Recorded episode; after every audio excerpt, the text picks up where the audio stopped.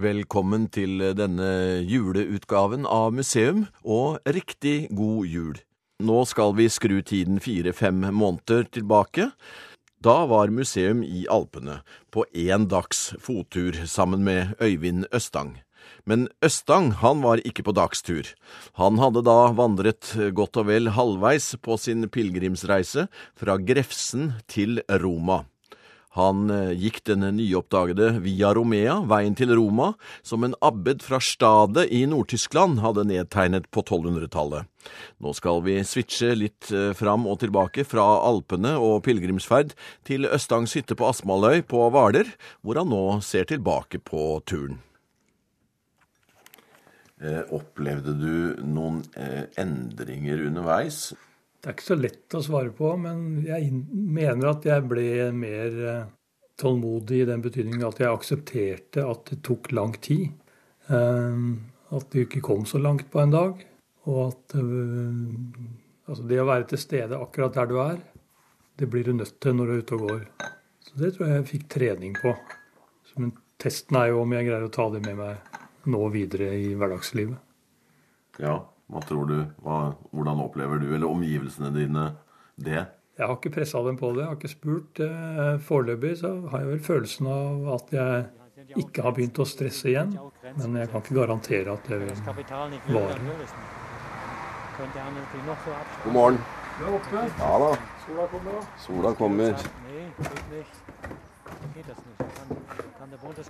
Men akkurat nå er det jo friskt. Da er du preparert for en, eh, en ny dag. Må du, må du, mentalt på en måte bygge deg opp, eller går det bra? Det går bra. Jeg kommer greit ut av senga og pakker sekken og er klar til frokost. Gjennomgår du ruta nå, nå da? Ja, jeg så litt på kartet eh, på boka nå, og så litt på kartet òg, fordi vi må tenke på er det noe mat underveis. Eller må vi ta, kjøpe med oss noe fra et bakeri? Ja. Det skal være et sted oppe i lia her hvor det er mulig å få noe å spise. Men, eh, ja, for sånne ting. Vann og mat. Ja. Vann og mat. Viktig å ha. Ja. Nå er det frokost på hotellet her. Nå husker jeg ikke hva det heter engang. Gasthof Sonnenhof. Gasthof Sonnenhof, ja. Har en frokost er jo som regel bra, den. Bruker å være bra. Litt opp og ned hvor mye varmt der, men det ja. Ja, bitte. Ja, ich hätte gerne Kaffee. Äh, 23 und 24. Entschuldigung, haben Sie auch Saft? Oder Orangensaft? Orangensaft ist drin. Ist da? Ja. Habe ich nicht gesehen. Entschuldigung. Ah. ja, ja. Guten Appetit. Danke.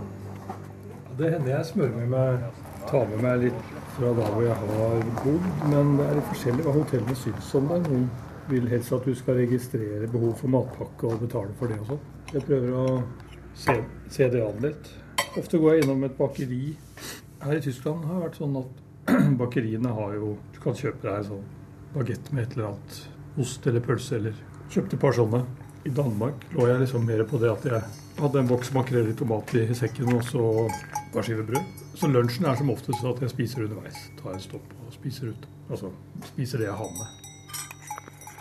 Men eh, hvem er du egentlig, da? Hva, hva, har du gjort i livet? Nei, etter eh, gymnaset i Fredrikstad og folkehøyskole på Gvarv, så var det et år i militæret. Så begynte jeg å studere på Blindern i Oslo. Da har jeg da tatt eh, engelsk, fransk og statsvitenskap. Med engelsk hovedfag, da. Ja. 77 var jeg ferdig med det. Hadde aldri tenkt å jobbe i skolen, så det så var jeg sånn trukket i retning av journalistikk og sånn. Så hadde jeg i studietida jobba som inspisient i Dagsrevyen, altså på produksjonssiden. Dagsrevyen og sportssiden. Nei, sportsrevyen. Og så fikk jeg en jobb i ukeavisa Vår Kirke og en sommer i Vårt Land. Og så ble jeg redaktør i Kirkens informasjonstjeneste. Ja. Det var jeg i hele mesteparten av 80-tallet. Så fikk jeg et vikariat på statsministerens kontor som informasjonssekretær. Og så gikk jeg tilbake til Kirkens informasjonstjeneste en ny runde. Og så i 91 tilbake til statsministerens kontor som informasjonssjef, og har vært det fram til 2007. Ja. Så ble jeg seniorrådgiver samme plassen. Så du sitter egentlig helt i makteliten, du? Har vært det i mange år? Ja, statsministerens kontor er jo det sentrale regjeringskontoret. Så det er mitt midt i det, det, altså. Men etter at jeg slutta som informasjonssjef, så er jeg litt mer på siden og har jobba litt mer med historiske ting og sånn. På nettsidene våre. Men hva innebærer det å, å, å være på statsministerens kontor sånn som du har vært, da?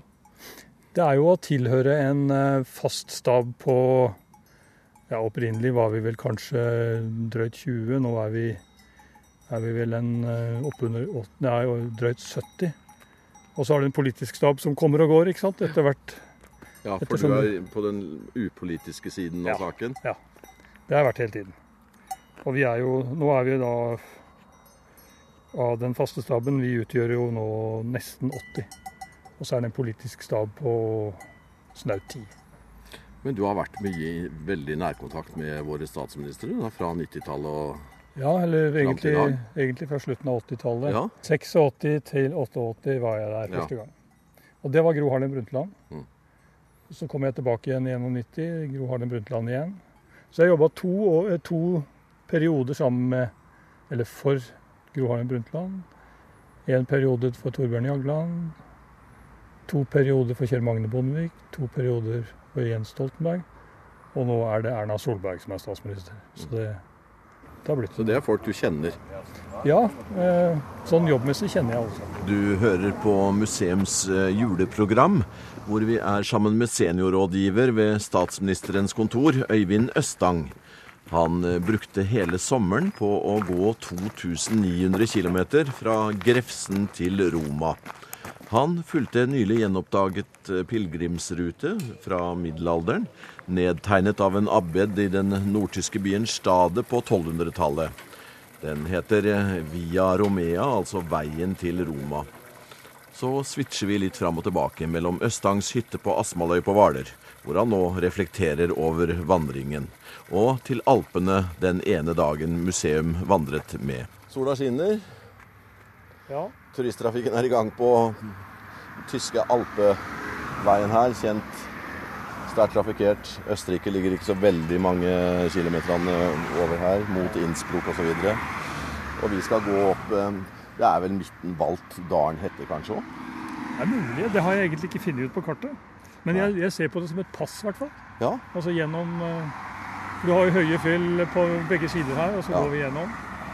Og her har det gått folk i århundrer, om ikke årtusener. Ja, så da romerne kom eh, nordover her i, eh, i eh, 15, år 15 før, før Kristus, så fant de jo eh, en keltisk stamme her som het retere. Og Derfor så kalte romerne den veien her for Via Retia, Riktig. veien til reterne. Så i hvert fall siden, eh, og sikkert lenge før det har det gått folk over her. Men eh, romerne anla jo en vei, da. Som disse veiene her mer eller mindre går på eller langs.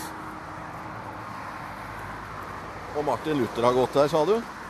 Ja, han var eh, som munk i, hjemme i Tyringen, så var han på en pilegrimsferd til Roma vinteren 1510-1511 sammen med en, en annen broder fra klosteret. Så uh, iallfall hjemover så gikk de her. Det var en bratt bakke borti her hvor det sto et skilt om at her har Martin Luther gått.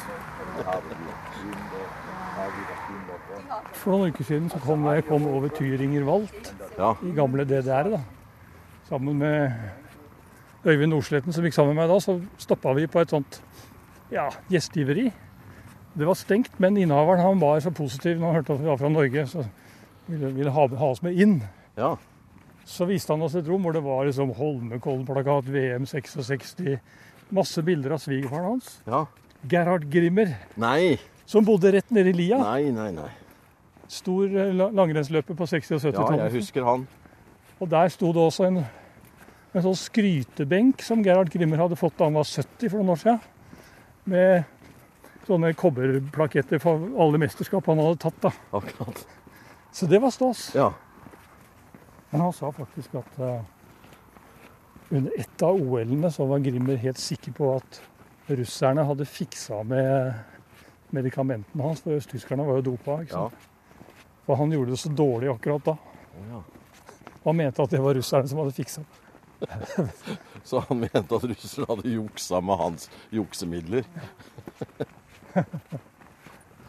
Det er morsomt. Men eh, det stedet ble drevet av Gerhard Krimmers datter og svigersønn. Ja, artig, ja. Her er en sånn formasjon igjen. Jeg lurer på hva det er. Eh, Når vi kommer her. Det er, det er ikke noe har, Istid her, har du? Har det, de pleier vel å kunne legge inn og lage noen sånne Du ser det er veldig mye oppover der. Da. Ja. Det må ha skrubba noe over her, tror jeg. Det er et veldig fint mønster. Det er jo nesten så du kunne kjøre kulekjøring med en gang. Kanskje det er her kulekjøringa også. Ja.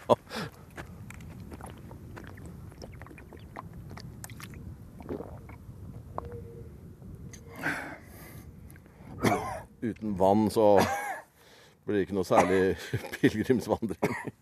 Nei, jeg må fylle på med væske. Jeg bærer jo med meg halvannen liter vann som jeg tapper i springen. To av flaskene har jeg hatt med meg siden jeg dro hjemmefra. Sånn at jeg ser slitasjen. Jo Du Ikke sant? begynner å få et slags eh, forhold til de flaskene der nå. Ja. Den tredje har jeg kjøpt et sted oppe i Tyskland. Det hender jeg kjøper meg noe sånn brusaktig, men vann er det beste. Ja. Vi er fortsatt i dette alpelandskapet som er helt sound og music. Ja, det er det. Veldig flott. Og nå driver jo bøndene med slott nummer to da, Ja. den sommeren her. Nå i begynnelsen av august. Så disse utløpene rammer, rommer jo mye som skal brukes til vinteren. Veldig fint. Du sa at et av formåla med turen var å, å gå i møte den, eh, den eh, kulturen som hadde kommet motsatt vei til, til oss. Hvordan opplevde du det? Jo, det Altså, for meg er eller så var de viktigste fysiske påminnelsene om denne kulturveien kirkene som ligger som perler på en snor mellom Grefsen og Roma. Eller mellom Norden og Roma. Og eh, selv om kirkene jo har forskjellig preg, og vi har reformasjonen bak oss som gjør at kirkene i den katolske delen av Europa er litt annerledes enn våre her i, i nord, i det lutherske nord, så kjente jeg meg veldig hjemme eh, hele veien i kirkebyggene.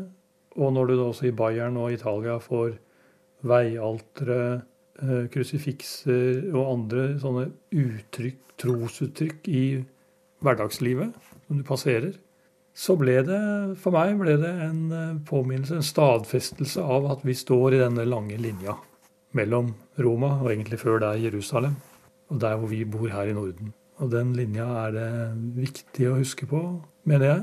Og jeg brukte da fire og en halv måned på å fysisk tenke på det. Men eh, rent eh, fysisk Kjødet, hvordan tålte det denne spirituelle turen? Jo, kjødet tålte det bra. Altså, jeg fikk jo en sånn betennelse i eh, høyre legg sånn helt i starten. Jeg gikk for hardt ut. Ja. Den fikk jeg kurert med sykkel. Den kom aldri igjen. Um, så det som skjedde etter hvert, var at bare føttene, akillessener og inni føttene ble slitent. Så jeg måtte gå meg varm om morgenen den siste, ja, siste måneden, tenker jeg. Gå forsiktig i gang og bruke litt sånn salve og greier. Ja. Og det har kjentes i føttene kanskje en måte eller vel så det etterpå. Mm. Men nå tror jeg at jeg er helt fin. Ja. Knær, eh, hofter, rygg. Ingen problemer. Nei. Men eh, du har skoa her, Ja, og, de, og dem brukte du hele veien? Dem brukte jeg hele veien. De hadde jeg brukt en tre uker til sammen på forhånd. Ja, for å gå inn? Ja, jeg hadde brukt dem en sånn uke hvert år i tre Ja. år. Eh, Så man ser jo her at jeg er skikkelig hæ- hælgjenger. Ja. Blir, altså Med ti kilo på ryggen så blir du mer hælgjenger enn eh, normalt. Og ja. foran er ikke veldig slitt, men Nei, akkurat under fotsålen og, og på hælen. y- yttersiden av hælen Ja. Er det godt slitt ned. Har du har ikke regna på hvor mange skritt du kan ha gått? Nei, det var en som regna på det for meg, men jeg har glemt, glemt hvor mye, mye det var. Men uh, i kilometer så Ca. 2009. 2900 km. Ja. Så det er, jeg har ikke tenkt å bruke de støvlene mer. Nei. De er Ja, ferdig, de er ferdig. de er ferdig godt. Jeg hadde dem på meg da jeg gikk inn døra hjemme igjen. da. Ja. Flere spurte meg om jeg hadde hatt noen, skumle opplevelser underveis. Overhodet ikke. Ingen som prøvde å robbe meg eller noe sånt. Nå gikk jeg jo bare på dagtid, da. Så, men det var en fin opplevelse sånn også. Vennlige mennesker hele veien.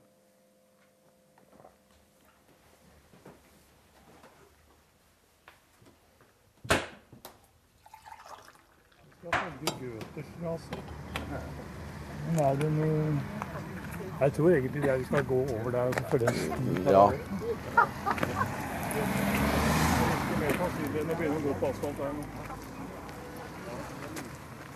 Rømerstrasse. Keiser Septimus. Ja, den ble altså anlagt eh, såpass sent som 195 til 215, ja, men Ja. romeren hadde jo vært fram og tilbake over her mye lenger. Ja. Men eh, da var det denne ble anlagt, som via Retia.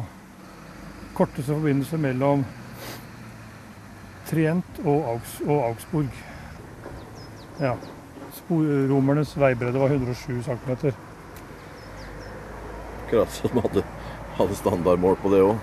Tror de hadde en eller annen som gikk med et spyd. Romersk veivesen. Gikk Ja. med et spyd og målte. Akkurat. Så mye plass trenger vi for å Vi nærmer oss eh, målet. Mittenwald, en eh, nydelig fjellby i passet mellom eh, Tyskland og Østerrike. Fra dalsiden kommer vi inn i byen og inn på torvet hvor en gatemusikant underholder. Østang styrer mot den største kirken. Skal vi se om det er åpent her.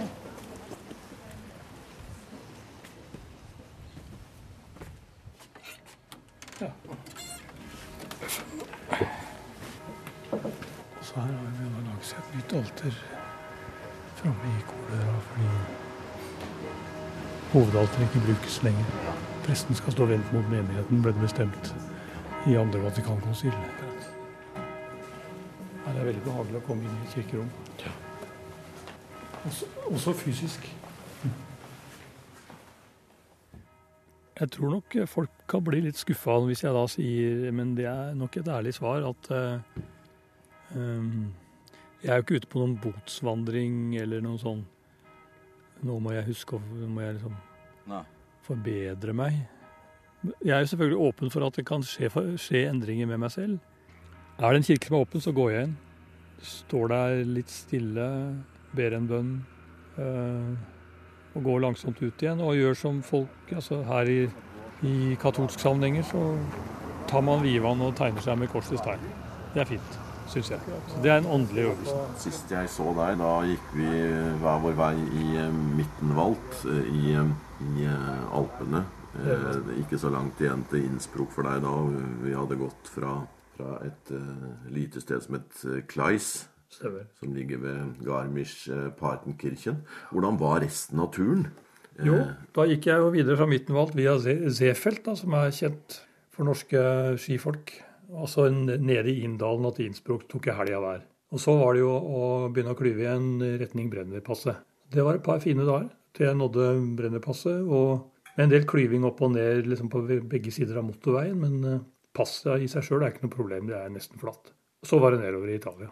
Egentlig hoveddalføre ned til Trento, der hvor folk flest da kjører videre til Gardasjøen. Der går den veien jeg fulgte opp, rett opp lia på østsida, og ned en sidedal som heter Valsogana. Så sneia jeg ned den og var veldig nær Venezia. Kryssa Posletta helt ytterst, bare et par-tre kilometer inn fra havet. Og så var det jo skrå over Apenninene, ned i Toskana, Umbria, Lazio, Roma. Men når du kom fram til eh, Roma, den, den siste dagen du gikk, var, var den eh, veldig annerledes, eller var det, kom du i en slags feststemning? Altså var, De siste fem dagene var annerledes, for da gikk jeg sammen med fire andre. Det ble ikke som å gå helt alene. Eh, Pluss at det siste dagen inn til Roma er en litt stressa vei. Det er mye biltrafikk, eh, fortauer langs trafikkerte veier. Ikke noen store naturopplevelser. Bortsett fra akkurat parken på Monte Mario, som er før du dukker ned i byen. Og så var det regnvær. Første dagen med skikkelig regnvær på lenge. Så den ble kanskje ikke så dvelende som den ville ha vært. Hvis jeg hadde vært helt alene og det hadde vært godvær og som jeg hadde kunnet styre. For det vi også måtte tilpasse, nemlig var at konene våre kom nedover med fly. Og de skulle rekke fram til Petersplassen før vi dukka opp. Ja. Så det måtte tilpasses litt. Så Ja. vi måtte, rett borti gata måtte vi ta en pause. Hvor, hvor var du framme? Petersplassen. Det er Petersplassen. Ja. Egentlig er det jo Peters grav under Peterskirken som er et av de fremste vandringsmålene for en pilegrim, enten du går eller kommer med fly, i Roma. Og så er det Pauluskirken utenfor murene. Jeg har vært begge steder før, sånn at nå nøyde jeg meg med Petersplassen, og så jeg, var jeg i Peterskirken dagen etterpå. Pluss Olavsalteret, det norske alteret i Roma, som jeg syns var viktig å besøke, som ligger borte på i kirken San Carlo ved Corso, nær spansketrappa. Og så øh, ble du mottatt av det offisielle Norge, har vi også sett. Ja, eh, jeg kjenner, fra, fra jobben på statsministerens kontor, så kjenner jeg Bjørn Grydland. Han var min sjef der i mange år som departementsråd. Han er nå Norges ambassadør i Roma. Altså ikke til Den hellige stol, men Roma. Ja. Og han hadde sagt da jeg traff ham tilfeldig i Roma for et par-tre år siden, at du må fortelle, når, du må si fra når du kommer til Roma, så vi kan treffes. Så nå meldte jeg meg da i Brenner. Så meldte jeg at nå var jeg inne i hans embetsområde. Og da sa han at ok, da skal vi ta ordentlig imot. Så han sto der med terrasseflagget sitt og et par assistenter, og en, en assistent med alle kodene våre rundt seg og veiva med flagget, så jeg så dem veldig godt. Så det var hyggelig. Men han forsikra meg jo om da at uh, han ville ha gjort det uansett om han hadde kjent meg eller ikke, for han mener at, at det var en så viktig begivenhet da, at en nordmann har gått hele veien fra Oslo til Roma, så det må ambassaden markere uansett. Men det var jo hyggelig at vi kjente hverandre i tillegg. da. Du skal ikke gå mer sånn, eller? Når jeg nå har gått så langt, så kan jeg ikke være bekjent av å aldri ha vært på Galdhøpiggen og Glittertind, så det må jeg bare fikse til sommeren.